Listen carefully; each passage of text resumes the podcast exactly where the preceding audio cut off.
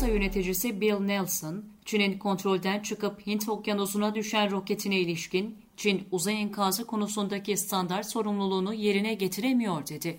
ABD Ulusal Havacılık ve Uzay Ajansı roketi kontrolsüz şekilde Hint okyanusuna düşen Çin'e standart sorumluluğu yerine getirememe eleştirisinde bulundu. NASA yöneticisi Bill Nelson, Twitter üzerinden uzay yolculuğu yapan ülkelerin dünyaya geri dönen araç kalıntıların insanlara ve mülklere yönelik riskini en aza indirmesi gerek. Çin uzay enkazı konusundaki standart sorumluluğunu yerine getiremiyor açıklamasında bulundu. Çin uzay istasyonunun çekirdek modelini yörüngeye taşımak üzere 29 Nisan'da uzaya fırlatılan ve kontrolden çıkan Long March 5B roketi Hint Okyanusu'nda Maldivler yakınlarında bir yere düşmüştü. Çin İnsanlı Uzay Mühendisliği Ofisi enkazının büyük bir kısmı atmosferde yanan roketin Çin saatiyle 10.24'te Maldivler yakınlarına iniş yaptığını açıklamıştı. Çin uzay istasyonunun ilk parçası ve çekirdek modülü Tianyi'yi uzaya taşımak için Long March 5B roketi 29 Nisan'da uzaya fırlatılmıştı. Fırlatılmasının ardından Tianyi modülü